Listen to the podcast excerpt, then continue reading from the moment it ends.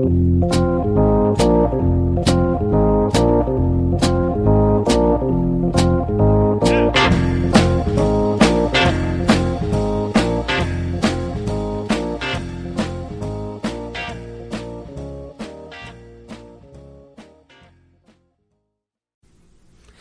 och välkomna till Bröla Böla Podcast. Idag så gästas vi av, ja vem då? Eh, Titti Kvarnström heter jag. Ja, vad kul. Välkommen hit. Tackar, tackar. Hur känns det att vara här? Eh, ja men spännande. Eh, ja, det ska bli jättespännande att se vad, vad den här timmen eh, har att bjuda på. Ja, för, vi, för att idag så blir det precis en timme som ni kanske har sett. Men eh, vi hoppar direkt in på frågerutan så vi ska lära känna dig lite bättre. Helt enkelt. Så fullständigt namn. Titti Marianne Kvarnström. Okej. Så Marianne, var kommer det ifrån? Det kommer från, ehm, eh, det, det är ett ärvt namn kan man säga. Min mamma heter också Marianne och så heter hennes mormor eh, hette Maria och min fars eh, mormor hette Anna. Eh, och Maria, Anna, Marianne. Ja. Så det finns, eh, det finns flera liksom, kopplingar i släkten där. Ja, Marianne är ju bättre än Maria-Anna. Alltså som namn. Ja det känns ja. eh, kanske inte lika aktuellt eh, just nu. Det kommer säkert igen de här dubbelnamnen. De har Ja, varit borta, borta ett tag. Kanske Ja, nästa det. generation kommer tillbaka med dubbelnamn. Ja, men Anna-Maria vet jag, det finns ju men, Mm. men Maria-Anna vet jag inte. Så att, eh, hur gammal är du? Jag är 42 år fyllda. Hur känns det att vara 42? Eh, jag har inte reflekterat så mycket över det. Men det känns väl eh, eh, Ja men det kanske nu, det är ju nu man ska ha en 40-årskris och så inse att man har kommit halvvägs i livet eller att man har kanske bestämma sig för om glaset är halvfullt eller halvtomt. Jag vet inte. Jag får, jag får gå, gå hem och fundera Nej, på det här och ta min kris. inte. Det är inte någon, det är ingen, eh, det ska inte, vi ska inte införa någon personlig kris här. Det känns inte schysst. Eh, så var är du född någonstans? Jag är född och eh, uppvuxen i Malmö. Det är ju, det är ju någonting som jag bär med mig med oerhörd stolthet med att vara född och uppväxt i Malmö. Var, var någonstans är det? Vad kallar du, vad kallar du hemma någonstans i stan? Eh, alltså jag känner mig hemma på de flesta ställen eh, i stan. Alltså jag är uppväxt på Limhamn.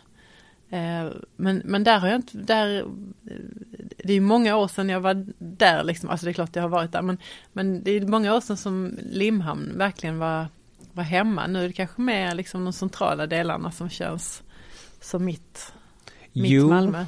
Och, och, det kan jag, och det kan jag känna igen för att ja, uppväxtdelen skedde till stora delar på Limhamn också, absolut. Men, eh, men man, man formades som person typ in i stan. Så det finns en, skulle jag säga i alla fall. Mm. Låter det som något, håller du med om det? Ja men det låter, eh, det låter rimligt. Alltså man kan ju komma tillbaka till det, de, de delar där man var, har barndomsminnen ifrån och där man där, där jag hängde som barn och, och liksom, så kommer ihåg. Men det är ju det är så länge sedan, det är ju verkligen, det är en annan tid liksom. Alltså man var ju ett annat, eh, eh, jag känns nästan som en annan person.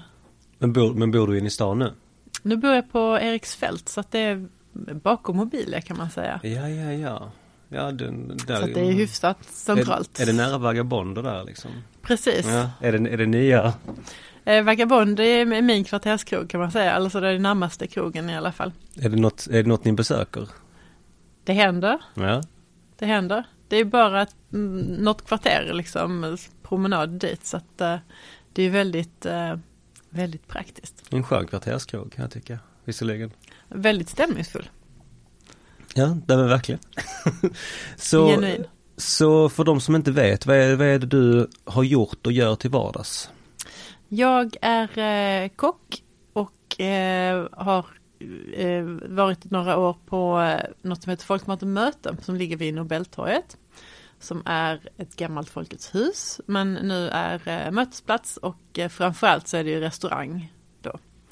Eh, och där har vi gjort eh, supergoda luncher och blev faktiskt nominerad till Malmös bästa lunch här under, under hösten. Och nu så är jag på väg till eh, lite utanför Malmö faktiskt. Så det är första gången jag kommer utanför, eh, utanför storstaden i mitt, eh, i mitt yrke. Och eh, är med på Häckeberga slott och ska eh, styra upp köket där. Eller eh, starta upp köket där. Starta om köket där. Var ligger Häckebergs slott? Häckebergs slott det ligger lite söder om Lund utanför Genarp. Mm, så det är ditåt. Naturreservat som är, eh, också heter Häckeberget med fantastiska strövområden. Så där ska de liksom göra någon form av omstart och då tar Mm. de in dig. Det har varit, eh, slottet har stängde i början av eh, pandemin och så, så nu är det ny aktör som kommer in och ska drifta det och det är Anna och Lars Norman som egentligen jobbar mer med eh, renovering och inredning och gestaltning. Eh, och så eh, ska jag laga maten. Ja men spännande. För det verkar ju som att det är något, ja men det verkar som att det är någonting som rätt många gör nu, att man hittar någon, något, eller något, hittar, men de har ju funnits där till, men en gammal herrgård eller en gammal, eh, ett, ett gammalt slott och sen bara, ja men nu ska vi göra någonting med detta, att, detta- att det har blivit någon form av någon väldigt dyr trend, jag vet inte. Eh, Det, det låter En väldigt dyr eh, hobby. Ja. ja, men det är ju roligt att, eh, att de här gamla byggnaderna som, som är, är väldigt själfulla ofta, att de får ett, ett nytt liv kan man säga och framförallt att de bevaras och, och kan liksom få finnas kvar. Men också att de blir eh, lite, eh, ja, men lite uppdaterade och får en funktion så att vi kan faktiskt inte bara betrakta dem som museiföremål utan också använda dem idag. Vilket var väl kanske ta, antagligen tanken från början. Att man skulle liksom använda dem, de skulle nyttjas. Så de skulle liksom vara till för folk. Ja. Men, men så är det ju, det är ju otroligt pråliga byggnader så att de är ju, de är ju, alltså det ska ju se imponerande ut, jag undrar om inte det är det som är, som är tanken. Men, men eh, å andra sidan så är det ju mer, eh, det är mer imponerande med någonting som, som fungerar och som man kan besöka och, och använda än någonting som liksom bara står och samlar damm. Hur optimerat är köket liksom? Alltså det, det, det förstår jag ju är ett modernt inslag, självklart. Men Ja, jag det är ju hur, hur modernare anpassat än, är det till 2022 liksom? Ja, inte jätte eh, får jag väl säga. Alltså köket är ju inte, det är inte det kök som, som byggdes eh, när slottet byggdes på eh, för några hundra år sedan, utan det här är ju ett modernare kök ändå, men som ändå lämnar en del i övrigt önska från, från, från mig som då har 2022 års krav på arbetsmiljö. Och det lustiga är ju att största problemet, nu har vi ett helt slott liksom och, och, och bryta oss eh, i, så att säga. Eh, och största problemet är faktiskt platsbrist. Ironiskt nog. Ja, hur? Ja men det är, alltså det är en gammal byggnad och det är, det är inte, den är inte optimalt planerad för, eh, för eh, restaurangverksamhet. Alltså man har såklart gjort det bästa liksom efter förutsättningarna. Men, men, eh, ja, men när man ska konvertera en gammal byggnad till en ny funktion så bjuder det på en massa spännande utmaningar som man inte riktigt kan förutse. Ja men minst sagt. Minst sagt. Ja men då vet vi lite om vad du ska göra framåt i alla fall. Eh, så nu ska vi lära känna dig lite bättre. Tänker jag. Eh, så vilka är de sämsta egenskaperna du fått från dina föräldrar? Ehm, jag har ju, ehm, det blir en lång historia här, men när jag, när jag slutade på, ehm, jag drev, eh, var delägare i och drev en krog i Pildammsbacken. När jag slutade där så jobbade jag väldigt mycket administrativt de var föreläsningar och reste och, och hade mig. Och eh, då kände jag att jag måste ha någonting att göra med händerna för att liksom jag kommit bort från matlagandet så mycket och det är ändå det här hantverket att man gör någonting, man skapar någonting. Det är ju det som jag drogs till från, från början. Så att jag kände så här, men jag måste ha en hobby, jag måste ha någonting som, där jag skapar någonting. Och då började jag jobba med, eh, med eh, keramik och började dröja och hade liksom i baktanken så här att ja, men, någon gång så ska det här liksom kunna leda till att, att jag kan göra mina egna tallrikar. Så. Eh, men så har det liksom ett, ett av de här objekten som, som jag gör det eh, kannor som man kan ha till sås eller till mjölk eller så. Och då gör jag alltid, då, då klämmer jag alltid till dem på sidan så att det liksom blir ett grepp. Så att de liksom inte sådär eh, riskerar att glida ur handen på en utan att man liksom har, eh, att det finns en, eh, ja men en fördjupning så att fingrarna passar där så att den liksom, man kan hålla i den ordentligt. För det är nämligen en egenskap som jag har ärvt av min pappa, att jag, finns det någonting som man kan spilla, välta ut, hälla, droppa, då gör jag det. Eh, och han berättade om sin mor som jag aldrig har träffat för hon gick bort långt, långt innan jag, jag föddes. Att den människan, hon spillde aldrig någonting. Och det var förfärligt att växa upp med en sån människa. Men eh, det slipper mina barn göra. För att eh, går det att välta någonting så gör jag det. Men är inte det väldigt, men är det inte, det är ju, det är ju dina fingrar. Hur, hur gör du då? Det måste, kan ju inte, det är ju inte anpassat efter någon som har större eller mindre händer. Ja fast det, det, det, det är inte man, man har ju en, de flesta har ändå liksom fem fingrar så att ja, en, en tumme på ena sidan och så några fingrar på andra sidan. Så att det, så det är inte grund, så specifikt? Grundprincipen är, där, jag tror det funkar.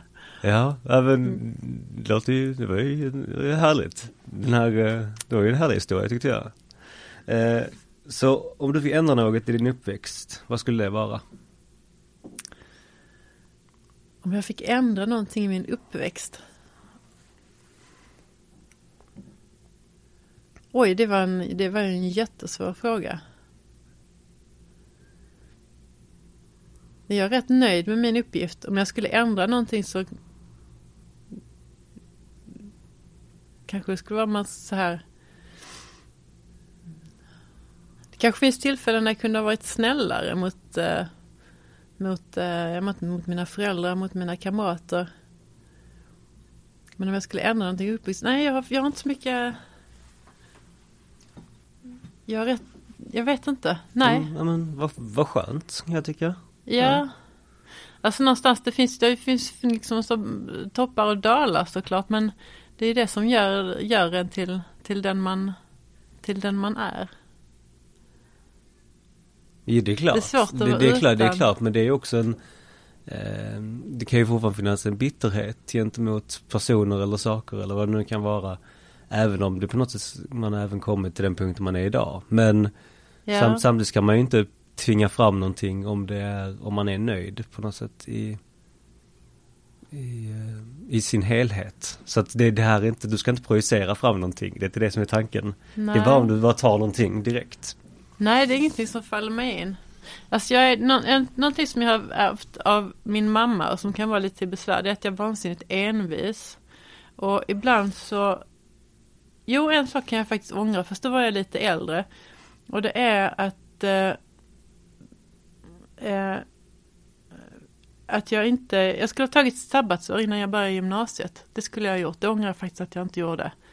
Innan, innan högskolan menar du? Nej, innan gymnasiet. Innan gymnasiet? Ja. Där skulle jag ha gjort någonting annat ett år. För att jag var inte Nej, jag var inte redo. Jag var så studietrött redan efter, efter högstadiestadiet. Jag borde ha jag borde ha gjort något annat ett år och så hitta tillbaka till liksom studie till plugga, pluggandet. Men det har gått bra ändå? Ja, det har väl gått bra ändå. Men, eh, nej, men det skulle jag ha gjort. Det, det kan jag faktiskt ångra att jag liksom sa nej nu ska jag gå gymnasiet, nu ska jag fullfölja det här till, till varje pris oavsett liksom hur dåligt det blir. Nej jag skulle, jag skulle ha tagit en timeout där. Det, ja. ja. Fick jag göra om så skulle jag göra det. Ja. ja. Bra svar. Så när känner du dig blyg?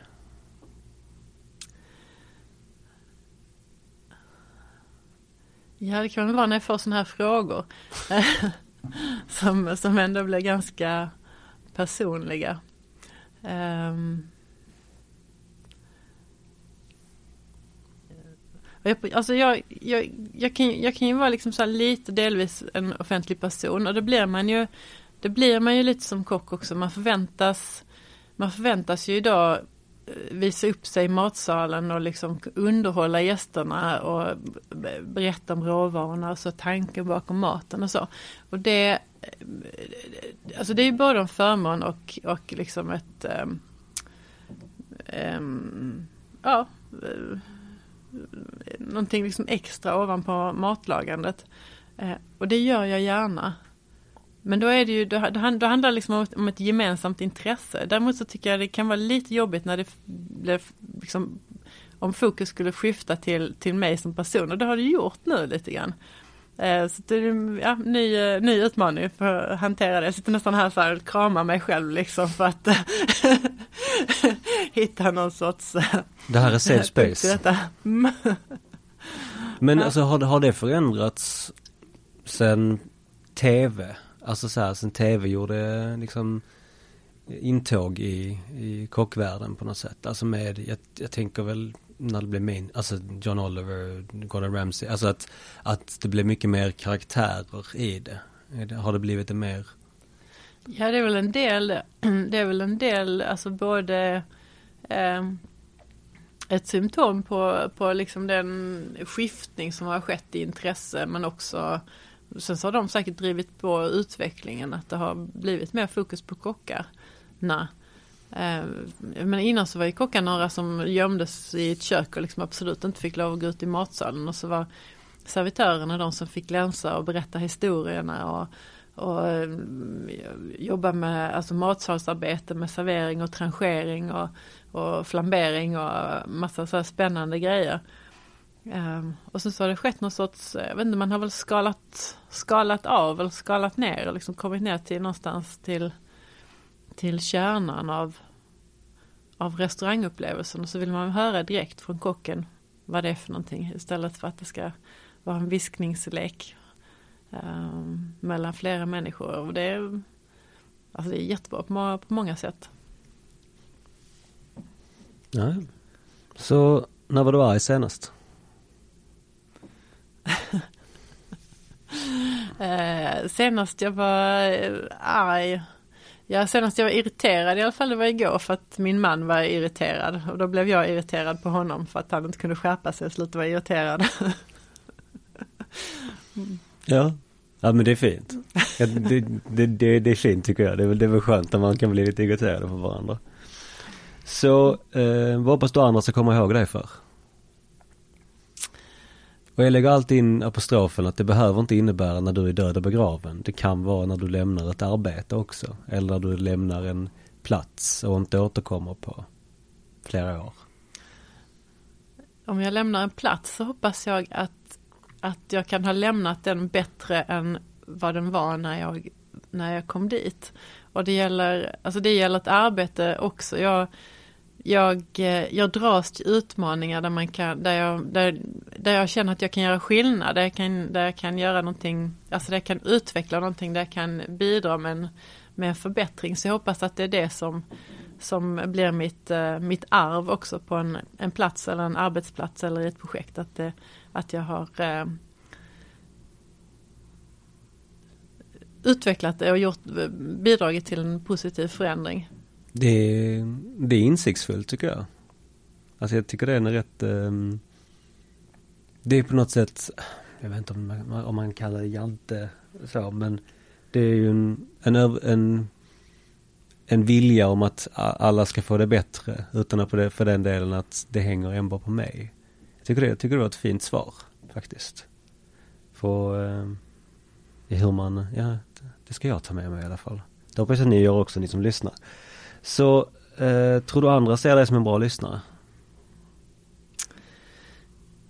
Det kan man nog, nog vara lite blandat. Um, jag kan vara jag kan vara både liksom ganska intresserad och ganska ointresserad av vad, vad, eh, vad andra människor um, kan och vill. Det beror på situationen och personen. Um, Nej, jag tror faktiskt inte att andra ser mig som en särskilt bra lyssnare. Vad, vad beror det på? Vad, vad, vad, har, du, har du reflekterat över det någon gång? Eh, nej, jag, ja, nej, nej, men jag är inte så, jag är inte så, riktigt så intresserad av människor. Alltså jag vill att alla ska, jag vill liksom att alla ska ha det bra. Eh, och jag jobbar gärna hårt för det, men, men, men jag vet inte riktigt vad det ska alltså bara sitta still och, och, och, lyssna, det är ju inte riktigt min grej. Jag vill gärna göra någonting. Så att om jag kan göra någonting för att, eh, för att liksom vi ska ha det trevligare så gör jag gärna det. Men det här med bara sitta och lyssna, det är inte riktigt eh, Alltså det är därför jag, jag, jag är ingen så här, jag är ingen bra person att liksom ha med på en på en middag eller så heller. Då, är det bättre att jag håller mig i köket och lagar maten. För att det här med liksom bara sitta och lyssna och konversera. Eh, ja, sånt som inte är relevant för det jag gör just nu. Det har jag inte riktigt tålamod. Jag är nog en ganska otålig person. Jag har inte riktigt tålamod. Jag, har inte, jag är för rastlös för liksom eh, är... lyssna. Om det inte är någon, en, en, person såklart som är viktig för mig. Som är väldigt viktig för mig kanske jag ska säga. Ja. Man.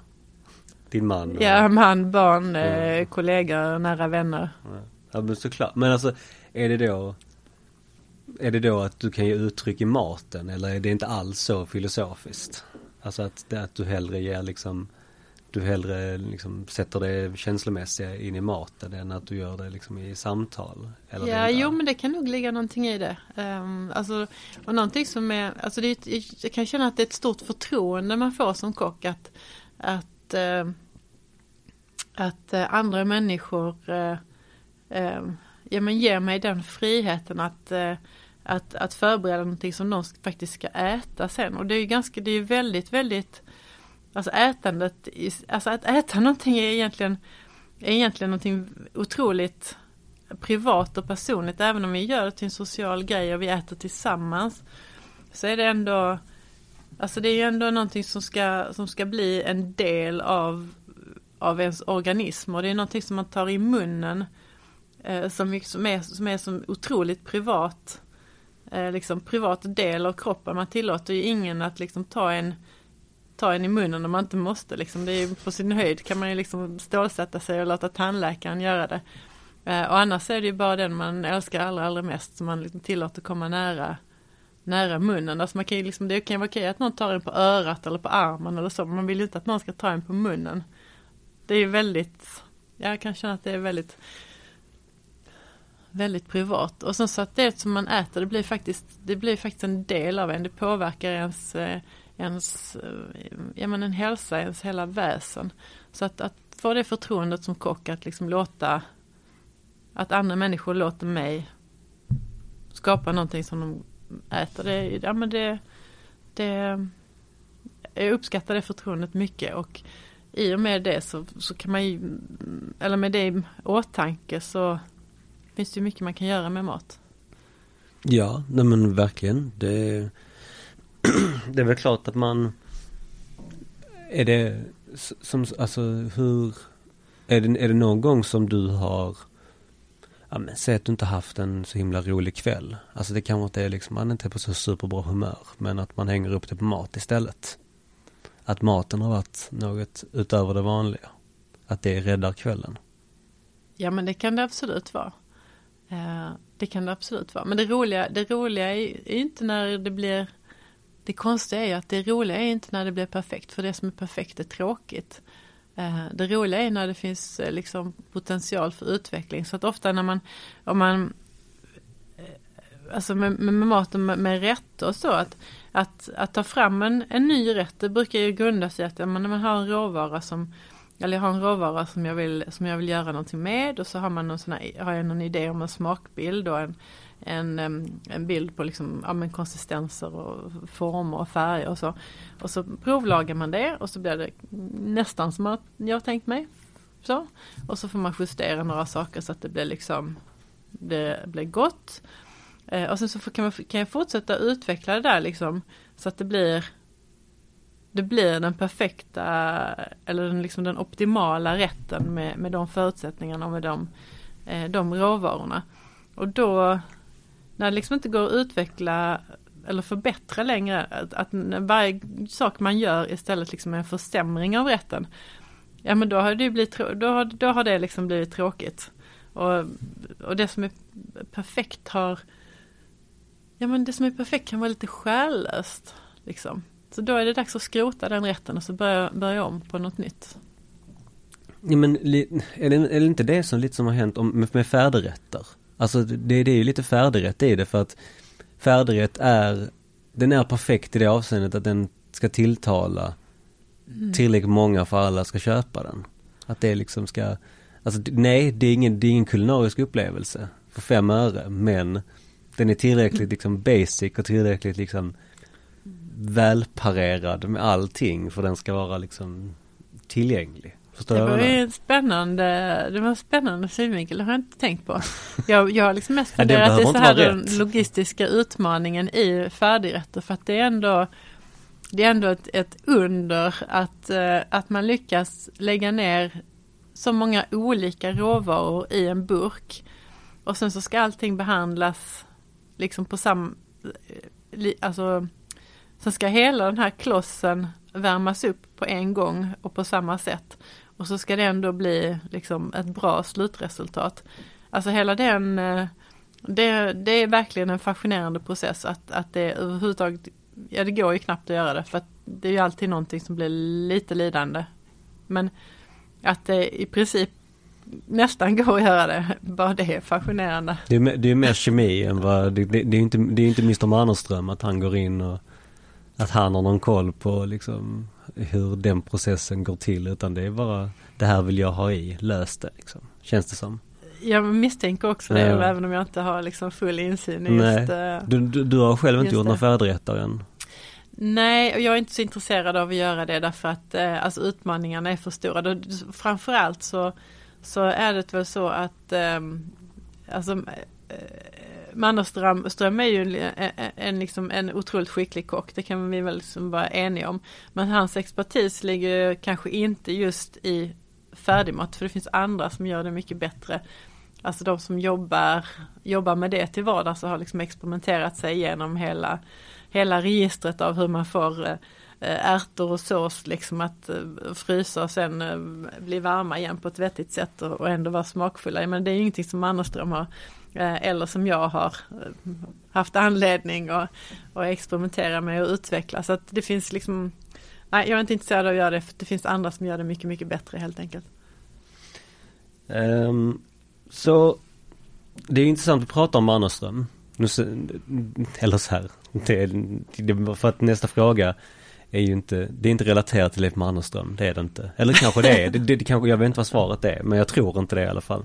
Så om du berättar om lärare du har haft i livet som inte är kopplat till utbildning. Så svaret är inte Leif Mannerström, tänker jag. då. Ja, nej vi har aldrig jobbat eh, ihop eh, på det viset. Eller jag tillhör inte hans eh, adepter. Eh, och eh, alltså jag har alltid eh, Jag har alltid eh, Alltså efter min, efter min utbildning så, så eh, flyttade jag eh, till Berlin för att jag tyckte att det var en cool stad och eh, så letade jag jobb där helt enkelt.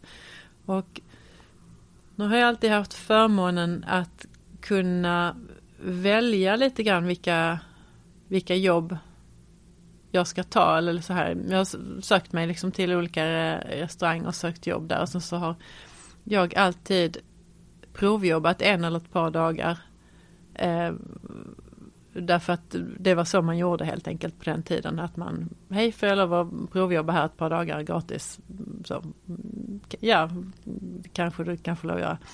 Um, och det är ingenting som jag uppmuntrar till gratisarbete. Men däremot så tror jag att det är jättebra att provjobba. Därför att på vissa, i vissa team eller vissa ställen så kan man, har jag fått en dålig magkänsla. Det har varit skitbra restauranger som har haft liksom eh, Ja men som har varit otroligt pretentiösa att jobba på. Som har varit eh, eh, väldigt högt rankade i, i guider och som liksom har, där allting utifrån har sett fantastiskt ut och jag tänkte att här vill jag verkligen jobba.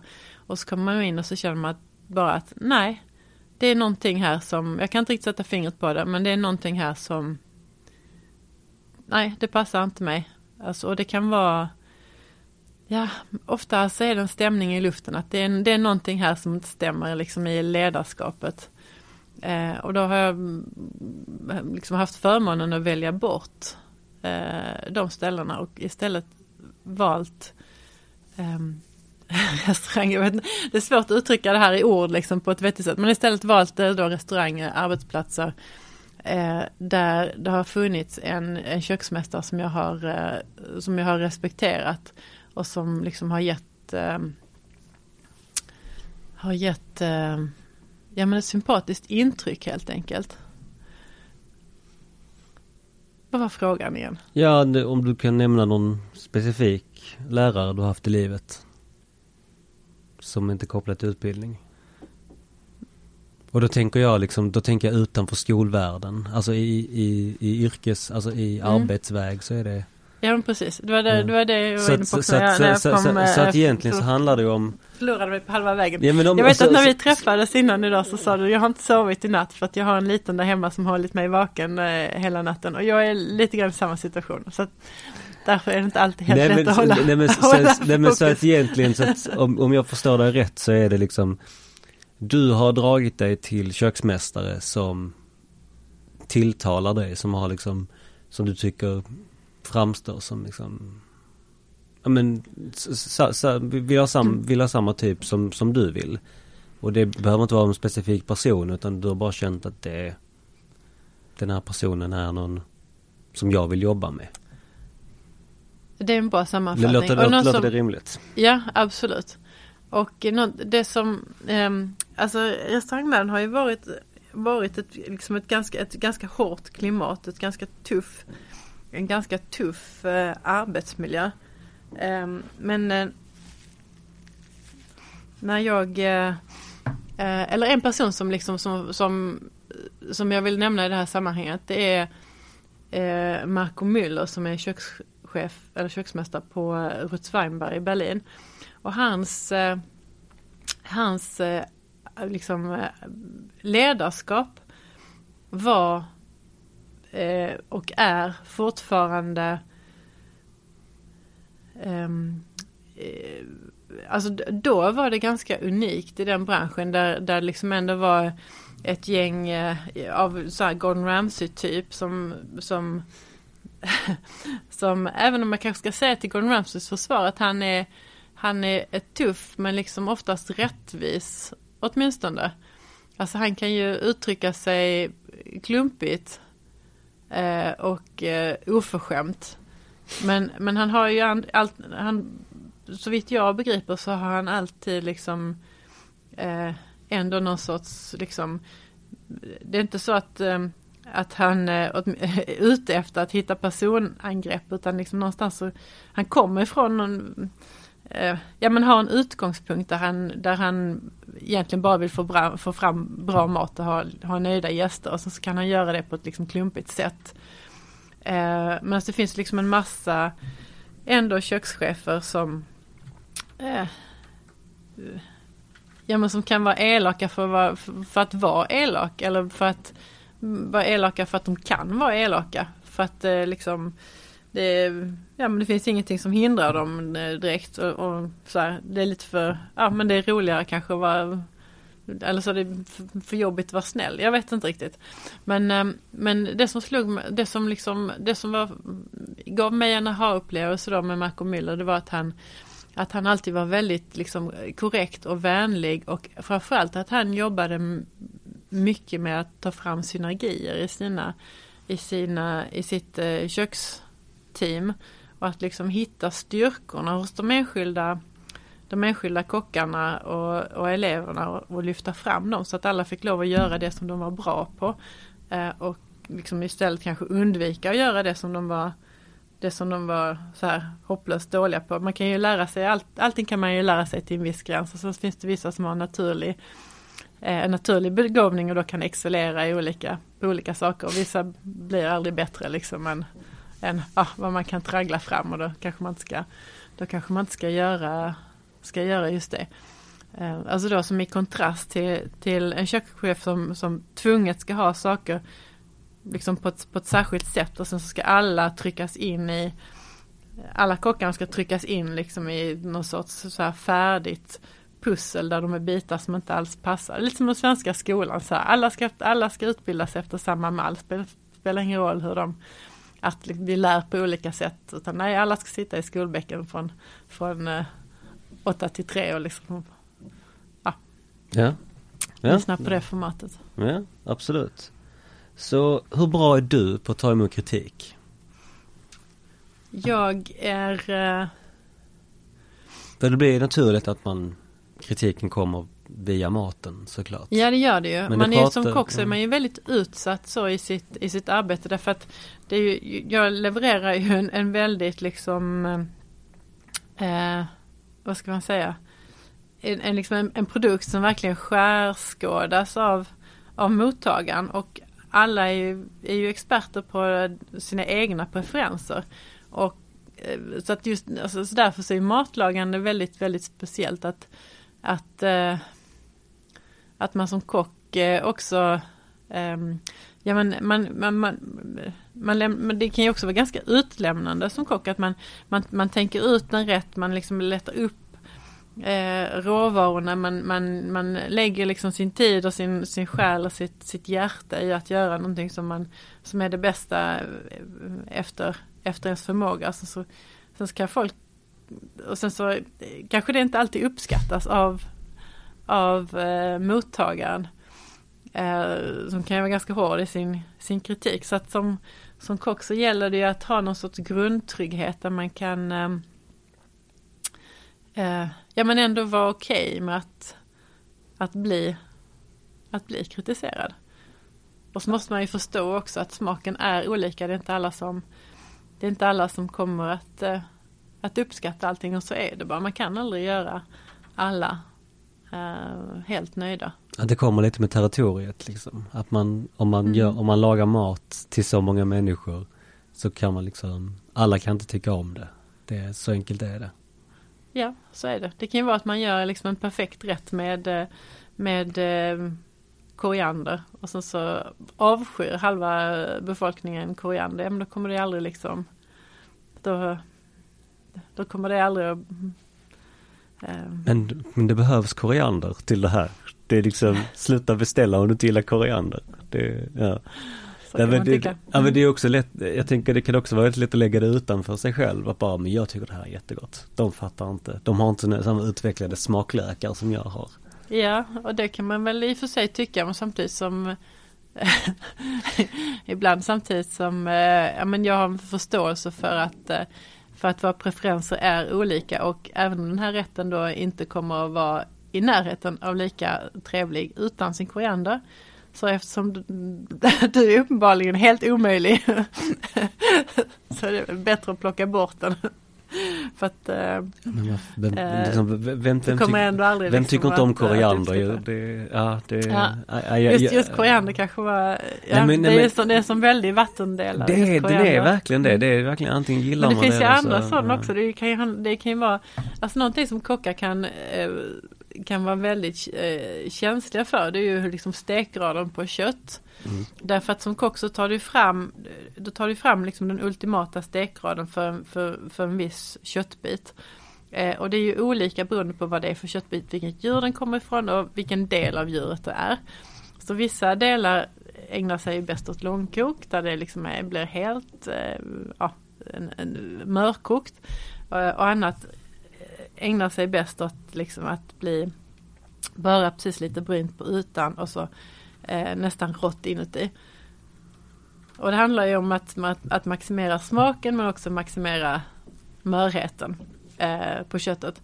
Men där kan ju människor ha väldigt olika preferenser. Alltså vissa tycker att det är svinäckligt med eh, rått kött. Eh, och andra tycker att det är lika vidrigt med sånt som är liksom överstekt. Eh, om man då som kock har sagt att den här köttbiten blir absolut bäst på det här sättet. Och så kom, där den är mm, halvrå eh, i mitten. Och så kan det komma en gäst som tycker att liksom så, ah, men det här kan ni inte servera för att den är ju halvrå. Mm. Så. Ja, jo, det är för att den blir bäst så. Men man, då, då är det ju människor som har, som har den preferensen. Är man inte van att, eller är man van att äta kött på ett speciellt sätt så, så kommer det vara bara det man uppskattar. Och då, ja, ja, då är, oftast är det bättre att gå de personerna till mötes. Även om rätten som sådan.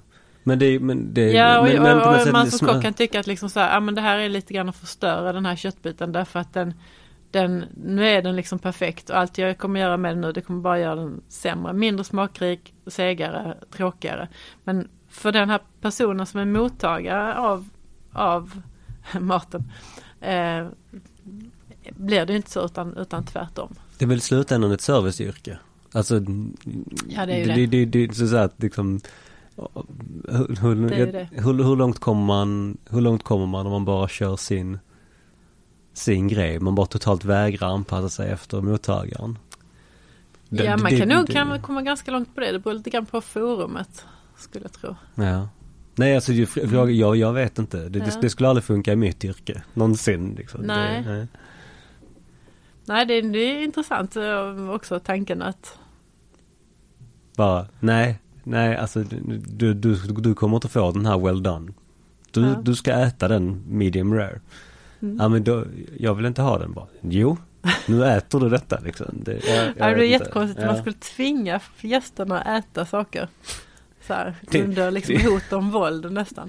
Ja, det, Nej, det, det, ja. det, det är ett koncept. De får, de, får skriva, de får skriva på att ingen polisanmälan efteråt och sen så blir man hotad till att äta det istället.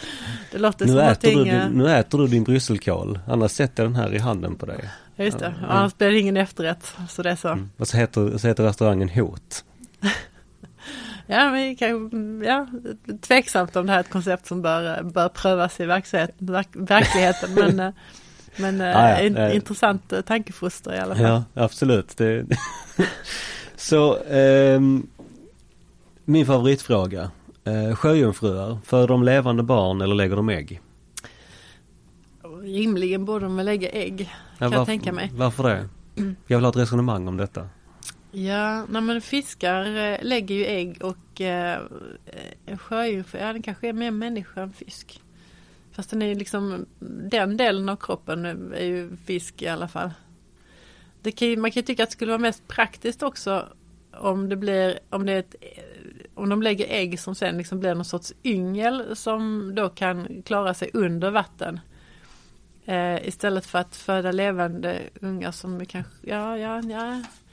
Ja, ja, den var svår. Jag tror på ägg i alla fall. Ja, Det hade liksom okej. på något sätt varit coolare om de la ägg.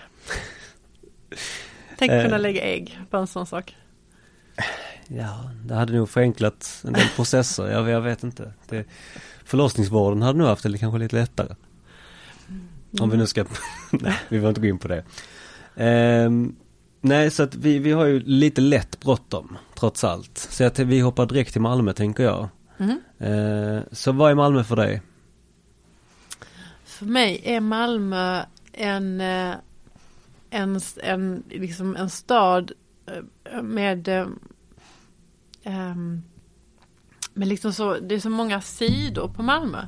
Och det, jag har när någon sorts eh, hatkärlek eh, till Malmö också för, får man väl nästan säga. Men Malmö är, alltså Malmö är fantastiskt med sina liksom underbara grönområden. Och det här att man kan vara i storstaden och så på tio minuter så kan man vara ute i skogen. Det tycker jag är helt fantastiskt. Och så är det underbart att det är så, att man har havet så nära och att det är så otroligt liksom mycket kust.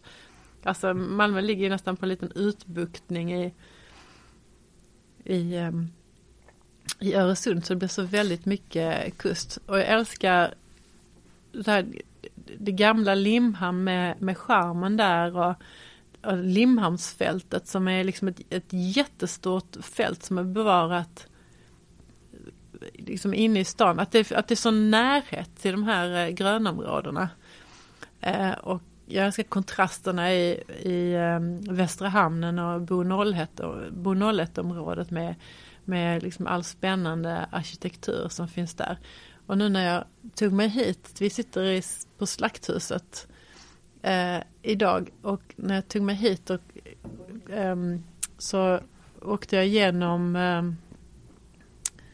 Eh, vad är det vi kallar eh, Malmhattan. Eh, och den kontrasten där mellan liksom gamla, gamla byggnader och så helt ny, modern, galen arkitektur. Eh, alltså det tycker jag, det tycker det är så häftigt. Eh, och sen så är Malmö liksom en spännande stad också. Man ser var Malmö har varit och vart, vart, vart Malmö är på väg och var Malmö befinner sig nu. Alltså den här gamla varvstaden och, och arbetarstaden. Där eh, eh, Kockumsvarvet var den stora arbetsgivaren och liksom en gång var folk som vallfärdade i lämmel, lämmeltåg till och från från jobbet på, på varvet till att varvet lades ner och Malmö hamnade i någon sorts identitetskris och en, en svacka och en depression med, med alla som liksom blev arbetslösa i och med det. Och, och liksom, vad, vad, är, vad var Malmö då? Jag, när jag var, minns när jag var liten och stan var stendöd efter klockan sex på kvällen. Det var liksom alltså inte en kotte liksom ute på, ute på gatorna. Och så, så har Malmö återuppstått som, som fågeln Fenix ur, ur den här varvsaskan och blivit en, en stad med liksom sprudlande gastronomi och med, med eh, tech och med liksom spelindustri och eh, liksom ja men en helt ny industri som som känns jättespännande och med högskola och liksom en, en ungdomlighet och med framtiden för sig. Universitet. Som, ja, universitet ja, det, till och med. Jäklar vad de var snabba på att påtala det. det det är un, universitet mm. är det ju Tove. Det, mm. ja. Men du, näm, du sa att det var hatkärlek. Ja, alltså jag, jag, det här... Jag, jag, jag, tyckte det var en väldigt fin kärleksförklaring det du, det, det du körde, den Ja. Den harangen du körde igenom precis. Så, så hatkärlek. Ja men fortfarande så är det ju, alltså det är stan liksom där jag har, där jag har, eh, som jag har växt upp i och det finns ju mycket, ja. Ja men det finns ju, det finns ju så mycket minnen härifrån, både liksom bra och dåliga minnen och eh, Alltså Malmö är ju också stan där det liksom ständigt är motvind. Det är helt fantastiskt, så man kan cykla liksom på åt, någonstans där det är motvind hela vägen. Och så ska man cykla tillbaka, då är det banne mig motvind på det hållet också. Det, det, bara, mm. helt, mm. det måste ju vara helt unikt med den här stan. Aldrig upplevt det någon annanstans. Alltså på andra ställen så blåser det det blåser åt ett håll. Ja. Jo men, men det, det, det, det, det, är som att, det är som att vinden går runt. Alltså det, det, ska, det ska inte vara möjligt att det blåser åt två olika håll samtidigt men det gör det. Här gör det det. Här gör det det. Och, och är, det liksom, är det för det är så jävla platt eller är det som liksom, ja, jag, jag, jag fattar vad du menar. Oklart, men det är liksom helt, det är definitivt ett Malmöfenomen. Den ständiga motvinden. Mm. Och ja. sen så kan det vara det här liksom, det här gråa, alltså det är ändå, det är ändå, vi njuter ju ändå liksom en skånsk vinter här varje år. Ibland så kommer det så mystiskt eh, vitt eh, lager som, som förbluffar alla. ingen vet hur de ska hantera det, ingen vet hur man ska förhålla sig till det. Eh, vi blir lika överraskade varje år. Taxibilarna har, har inte vinterdäck, liksom alla åker i diket, eh, folk stannar inne, skolorna stängs nästan. Och så, så återgår det till en, till en riktig skånsk vinter sådär som det ska vara med, med snålblåst och nollgradigt och slask. Som idag. Som idag. Minus slasket då visserligen men eh, ja. Ja fast det kom lite sådär snö, snöade lite grann eh, innan. Jag såg något lite vitt eh, någonstans och sen genast förvandlades i, i eh, lervälling. Ja men det kan vara väldigt grått också. Det är en Eh. och du, du, har redan, du har redan gått in lite på eh, följande nästa fråga, vad som representerar Malmö. Men kan du specificera det lite mer? Vad är det, vad tycker du representerar Malmö? Mm. Eh, vi har ju bristen på Kockumskran. Det känns ju så väldigt så här malmöitiskt. Vi har eh, Turning Torso som, som känns också väldigt representativt för, för Malmö. Den här eh, landmärket som, som så här skulle ersätta nästan Kockumskranen. Um, uh, och så historien om, om uh, liksom den här fantastiska historien om, om Malmösonen som kom från, från ingenstans och blev uh, ja, visade sig vara ett geni i sin, i sin egen gren och har blivit världskändis uh, med fotbollen. Markus Rosenberg. Bland andra. Uh, nej det känns eller, väl också liksom på eller, något sätt. Eller vem uh, pratar du om? Ja.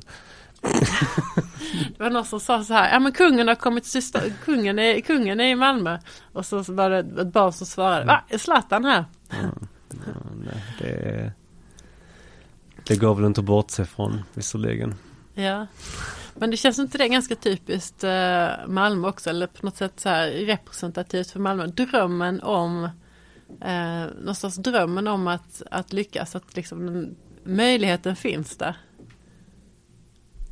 Ja, eller att avfärda den största vi har haft. För att han går in i Hammarby. Att det, det, kan väl också, det kan också representera Malmö lite, man bara så här Nej. Jantelagen i det där, att du ska minsann inte komma här och... Det handlar nog inte, det handlar, det handlar inte om jante. Det, det skulle inte jag säga i alla fall. Alltså MFF, med allt vad det är, är definitivt inte jante. Mm. Det är ju en, det är ju verkligen en förening som går omkring och går omkring och säger att man är störst och bäst i Sverige. Det, hand, det är ju inte jante i det. Det handlar ju, det är inte, nej. Det, nej. vi, ska, vi ska inte gå in på det. Nu, nu har, det här programmet handlar om det, inte om mina, mina mina yeah. förhavligheter mot Zlatan. Ja, men det är fascinerande att vi inte kan vara stolta över det som liksom över stadens stora son eh, så för att liksom, ja, man har gjort ett snedsteg liksom. Nej, nu ska han bannlysas för alltid. Ja, det är starka känslor det där med, ja, det, det, med, det, med fotboll. Jag har inte riktigt, jag har inte riktigt förstått, jag, måste, jag, får, jag är fascinerad av det därför att jag inte riktigt har förstått mm. Eh, en sport där man har vuxna män som jagar eller boll, eller kvinnor, eh, som jagar en boll, delar upp sig i två lag, alla jagar samma boll. De kan väl haft varsin boll så de bråkar om den. Jag förstår inte riktigt konceptet. ja, ja, nej, det, vi, kan, vi kan släppa det. Så att om du, om en vän till dig besöker Malmö för första gången, eh, vad gör du med den personen då? Då skulle jag eh, ge den personen en cykel och så cyk cykla runt för Malmö är liksom en, verkligen en fantastisk cykelstad. Alltså Malmö är liksom lite för stort för att vara litet och för litet för att vara stort. Men just när man är på cykel så är det faktiskt perfekt storlek. Eh, jag skulle ta och packa en, köra till eh, Möllan kanske och eh, botanisera lite ost och lite sötsaker och lite grönsaker och så göra en picknickkorg och köra ner till Limhamnsfältet eller till, eh, till Ribersborgs Riversborgs strand. Och så ha en, en picknick där med njuta av liksom närheten mellan stad och, och eh, stad och hav. Mysigt. Hur, Coronasäkert. Men, men, det, men det är också det här, jag skulle säga att det du sa att Mal, Malmö är för stort för att vara litet och för litet för att vara stort. Det borde ju vara Malmös nya slogan. Jag tycker den är bättre än den nuvarande. Kan du den nuvarande? Nej, vad är den nuvarande? Den, är, är den inte innovation, möten, eh, mångkult, alltså något sånt. Den, den är inte den är inte så catchy. Den är inte så catchy, verkligen Nej, inte. Det är inte som Vellinges Här är skatten lägre eller Trelleborg fri, Palmernas stad. Friheten större, skatterna ja. mindre, exakt. Ja, nej, det finns bra kommunslogans men den, jag tycker den som du sa var bättre faktiskt. Mm. Malmö, för stort för att vara litet, för litet för att vara stort. Ja, nej men det, ja. Nej, men, jag, jag gillar det. Vi får skicka in det som ett medborgarförslag. Ja precis. Ja, Titta Kvarnström sätter sig. Ja exakt. Så um, om du var turist i Malmö vad tycker du saknas i staden? Eh, det saknas möjlighet att betala eh, bussturer på ett eh, vettigt sätt som, eh, som turist. Um... Ja, om, om ni hör lite konstiga ljud i bakgrunden så är det, vi sitter alltså mitt i en höststorm och det blåser något så inåt helvete. Så att om ni hör. Och det... Vi tystnade båda två, blev helt distraherade ja, av vad exakt. det var som eh, krasade i byggnaden här. Undrade om det skulle trilla ner någonting. Ja. Men eh, det verkar som vi är säkra för det just nu. Ja, precis. Så här, på tal om Malmö och stormar. Ja, så att ett adekvat system att betala biljetter på. Ja, alltså lättare att åka med kollektivtrafiken. Eh, absolut. Det är, det är det som slår mig. Men vad tycker du om Berlins sätt då? Att läsa biljetter på? För att det är ju väldigt manuellt får man ju ändå säga. Ja, alltså i Tyskland eller framförallt i Berlin så säger man ju uh, alltså nur bares is vares, alltså bara bara alltså, eller, cash is king mm. kanske man ska säga, kan översätta det till liksom, bara eh, kontanter är det liksom, är det som gäller. Så, um, Ja, det känns ju främmande för oss här. Vi är ju liksom otroligt digitaliserade i betalning. Jag, tycker, jag som jobbar i restaurang tycker att det är superskönt att slippa all kontanthantering. Kankate. Ja, som um, um, Alltså det är, när man jobbar med det så är det så skönt att slippa kontanthantering för att det är alltid det blir alltid fel i kassan när man ska slå in kontanter. Liksom i, när man räknar, räknar kassan i dagens, vid dagens slut så är det alltid, det stämmer banne mig aldrig. Eh, och så ska det, är det för mycket så jaha, då, då tillfaller ju det restaurangen. Är det för lite, jaha, då så ska genast liksom hela personalstyrkan bli misstänkliggjord. Vem har stoppat någonting i egen ficka? Alltså, det är, nej, det är så skönt att slippa det. Eh, mm. Men det, det, det, har man inte riktigt, eh, de fördelarna har man inte riktigt insett, äh, insett där på andra sidan Öster, Östersjön än. Och där är, får man ju betala, man får lösa biljett i äh, automat. Um, ja men det funkar väl bra. Det ja. funkar väl bra. Man skulle, ja, alltså man skulle kunna ha jag tänkte säga att man skulle kunna ha eh, biljettautomater som tar kort men med tanke på att parkerings, parkeringsautomaterna inte funkade när man skulle betala med kort i dem så, så eh, ja kontanter har vissa fördelar ändå. Du, du, du vill tillbaka till det gamla? Lite där. Nej jag vill ju inte det. Jag vill ju inte det egentligen. Men eh, å andra sidan så måste det gå, liksom finnas ett vettigt sätt för, för turister att kunna använda sig av kollektivtrafiken. Alltså det, det måste göras mer tillgängligt och enklare. Så om du fick fritt fram ta något från en annan stad och placera i Malmö, vad skulle det vara? Jag ser alltid Alexanderplats. ett Alexanderplats. Jag har aldrig riktigt fattat vad man ska ha Alexanderplats till. Nej, det, det... Alltså där är ju ett stort eh, teletorn. Ja. Som man kan betala dyra pengar i och åka upp i och få lite bra utsikt. Um, ja, ja okej, okay. vi har ingen sån riktig utsiktspunkt. Uh, När man var liten så försökte man ju smyga in sig in i Sheratons hiss och åka upp i den. Lyckades sällan, någon gång lyckades det. Uh, men annars har vi inte, nej man kommer inte upp i Malmö. Nej, det är väl Malmö Live och, och typ um, ja. Uh, ja, Studio Hotell eller vad den heter. Ja. ja. Det är väl ja, det. där kommer man ju faktiskt upp ja. Mm, lite grann mm. i alla fall. Ja men då har vi det. Vad skulle man annars vilja ha? Vi har um... Alltså något um... Nej, jag vet inte. Vi har allting. Jag tänkte ett litet en, ett zoo har vi ingenting där man kan klappa. Jo men det har vi ju. Man kan ju klappa djur eller titta på I Folkets Park så finns det terrariet, det finns lite 4H eh, gårdar där man kan eh... Ja de här eh, De här sköldpaddorna som man blir lika överraskad varje gång man ser dem i Folkets Park. ja. Gigantiska, låter jätteroligt. Det är, ja.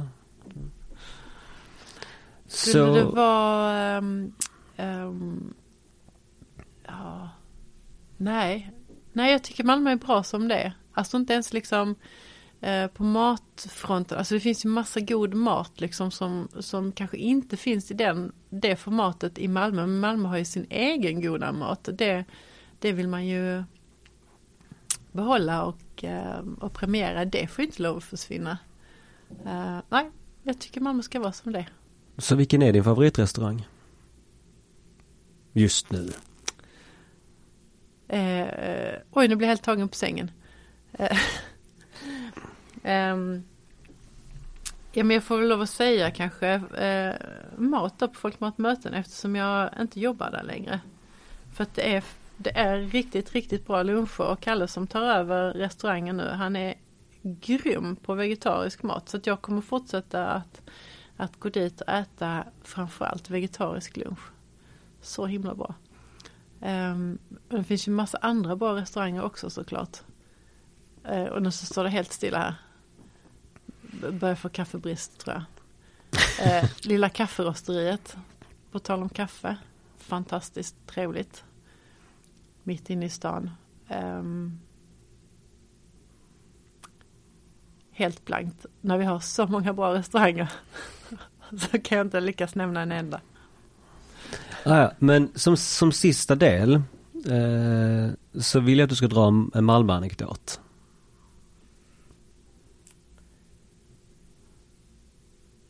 En Malmö-anekdot. Eh, uh, oh, det, det, det, oj vad svårt att uh, um, får nästan ha någonting liksom och, att, uh, att gripa efter. Ja men någonting som är liksom unikt för, uh, för Malmö och för Malmös uh, matstad. Det var när jag och Daniel Lindgren som också är en kock här i Malmö. Vi spånade fram att vi skulle vilja göra en, en mat eh, liksom, vi måste få runt folk så att de kan, kan gå runt och liksom upptäcka Malmös, Malmös eh, matstad. Hur kan man liksom få folk att, att eh, ja, men gå till liksom många olika restauranger utan att, liksom, utan att ja, men binda upp sig, utan att det ska liksom bli så omständigt att man ska kanske boka bord och investera en hel kväll och liksom eh, lägga liksom jättemycket, jättemycket pengar på en, en restaurang. Liksom, att, att man bara kan liksom prova lite grann av, av Malmös olika gastronomiska pärlor. Och så hade jag en, eh, en, eh, en vän som har ett eh, eh, Eh, ja, men som har en butik som han öppnar upp under gallerinatten. Och på galleri, då, då brukar de ju liksom så här, ja men någon bjuder på någonting att äta, någon bjuder på någonting att dricka. Så går folk runt och kollar på konst och kanske äter någonting och dricker någonting och liksom bara har det gött. Så jag tänkte om man skulle göra någonting sånt först med, först med restauranger. Så att man liksom bara kan vandra runt och så äta någonting litet. Lite här och lite där. Um, uh, och så fick vi med oss eh, liksom efter mycket efter mycket tjat så fick vi Björn Lindell att, att, ehm, eh, att eh, styra upp det här och han jobbade då med, med Älska Mat-mässan eh, här i Malmö. Han liksom sa liksom så ah, men jag tror inte riktigt på det här men liksom och, mm, gör det så att ni slutar tjata ungefär för att det är jobbigt att lyssna på er. Eh, så jag kan väl ställa upp liksom och fixa det här åt er. Ehm, så då, sålde, då så gjorde han liksom så biljetter så att man kunde eh, gå runt och så fick vi med oss ett antal eh, restauranger som kunde ställa upp och liksom leverera något litet smakprov och så stod vi där den här dagen som vi hade satt ut och tänkte så, ja men undrar om det kommer någon. För att eh, om det kostade 80 kronor eller någonting så kunde man liksom gå runt på de, på de här olika ställena. Så ja men liksom undrar om det är någon som kommer orka göra det och så här, det började tidigt och så ja, vi får se. Och så, så plötsligt så, så står det flera hundra människor utanför utanför eh, restaurangen. Och vi blir helt, eh, men helt tagna på säng liksom. Vilket intresse. Tänk att så många liksom tyckte det här var tyckte att det här var en kul idé. Och sen så har det där eh, växt och, och utvecklats och bör, alltså man ska komma ihåg att det var här det började med med de här små matvandringarna som vi har, Matnatten och Madamilen och, eh, och Move It. Alltså det kommer, ur, det kommer ur Malmö för att här finns det en, eh, liksom en, en, en innovativ kultur bland, bland restaurangerna. Det finns en, liksom en, en vilja att göra saker tillsammans och det finns en, en vilja att, att utvecklas och um, men hitta på nya saker. Det, det känns ju som det här nya Malmö som är lite som en fågel Fenix med res ur askan. Att liksom, ja men nu gör vi någonting, nu gör vi någonting tillsammans. Fin historia, tycker jag. Eh, så det sista, eh, påminn dem, påminn alla som lyssnar vad du, vad du sa från första början. Var, var hittar man dig nu? Nu framöver så kommer man hitta mig på Häckeberga slott. Vi har invigning i april, första april. Då slår vi upp dörrarna. Så att då så är det, där finns det där man kan äta. Och det här borde släppas om inte veckan innan så veckan efter. Så Häckeberga slott alltså. Ja, åk dit. Det kan, det kan hända att jag gör det också i alla fall. Så Titti, tack för att du ställde upp idag. Tack för att jag fick vara med. Så nu ska du få dricka kaffe och jag ska få äta frukost. Ha det så bra, tack för att ni lyssnade. Hej! Hej!